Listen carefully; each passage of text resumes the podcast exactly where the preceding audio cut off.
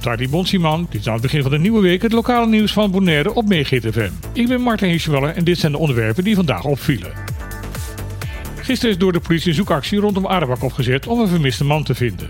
Deze had om 5 uur in de morgen het huis van zijn ouders verlaten met de mededeling dat hij nooit weer terug zou keren.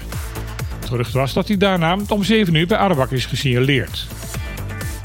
Achter in de middag is een uitgebreide zoekactie opgezet door de politie, waarbij ook de hulp van het publiek is ingeroepen. Daarbij zijn diverse persoonlijke bezittingen gevonden, zoals schoenen, kettingen en armbanden. Volgens radiostation Live 99 FM zijn deze door de familie van de man geïdentificeerd als bezittingen van de man. De man zelf is helaas niet gevonden. Vandaar zijn de zoekacties voortgezet. De tijd van de samenstelling van dit bulletin was daar nog geen verdere informatie over. Het lijkt erop dat de lokale pers van Bonaire een beetje bewindsliedermoe is. Wanneer een minister of staatssecretaris uit Nederland het eiland bezoekt, wordt er aan het eind van dit bezoek een persconferentie georganiseerd om te vertellen wat de Haagse Bobo dit keer op het eiland is komen doen. Deze bijeenkomsten blinken uit door geprefabriceerde antwoorden die van tevoren door diverse persvoorlichters zijn verzonden voor de bewindspersoon. Tijd om echt op een onderwerp door te vragen is er meestal niet. Afgelopen weekend was mevrouw Schout aan de beurt.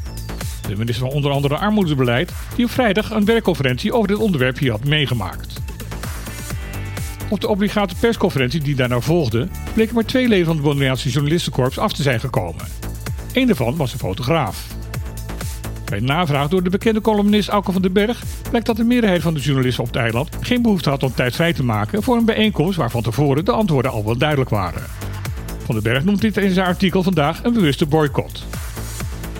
Opmerkelijk is dat het radioprogramma Op de Klippen, dat elke zaterdag live wordt uitgezonden op deze zender, de minister had uitgenodigd om te komen praten. Deze uitnodiging werd door de persdienst pas de avond voor de uitzending afgewezen, omdat het ingewikkeld zou zijn om de overvolle agenda zo op het laatste moment nog te kunnen omzetten.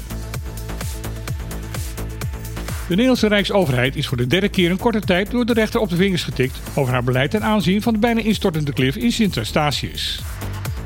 Eerder oordeelde de rechter dat de overheid binnen drie maanden iets aan dit gevaar moest gaan doen, nadat het rapport hierover al vijf jaar door de Nederlandse overheid is genegeerd.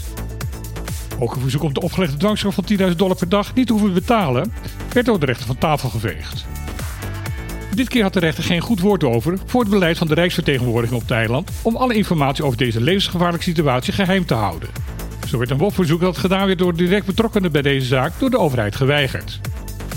De rechter vond deze beslissing onbegrijpelijk en heeft nu bevolen om de bewuste papieren binnen vier weken alsnog openbaar te maken.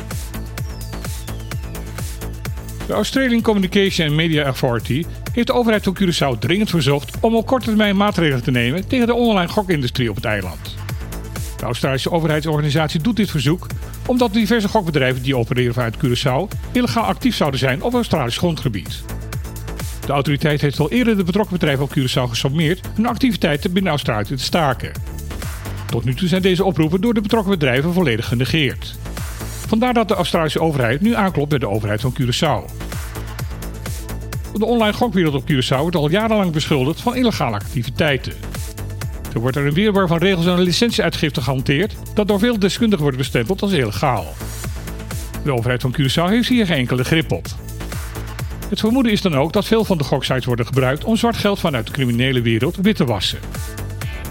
De verantwoordelijke minister in Curaçao, Sylvania, zegt al de hele tijd dat er een nieuwe landsverordening op stapel staat om de zaken goed te regelen. Deze verordening wordt echter in samenwerking met de gokbedrijven zelf opgesteld en gaat volgens vele betrokkenen lang niet ver genoeg. Dit was weer de lokale nieuws van vandaag op MeeGTFM. Ik wens iedereen een coole dag toe en dan heel graag weer. Tot morgen.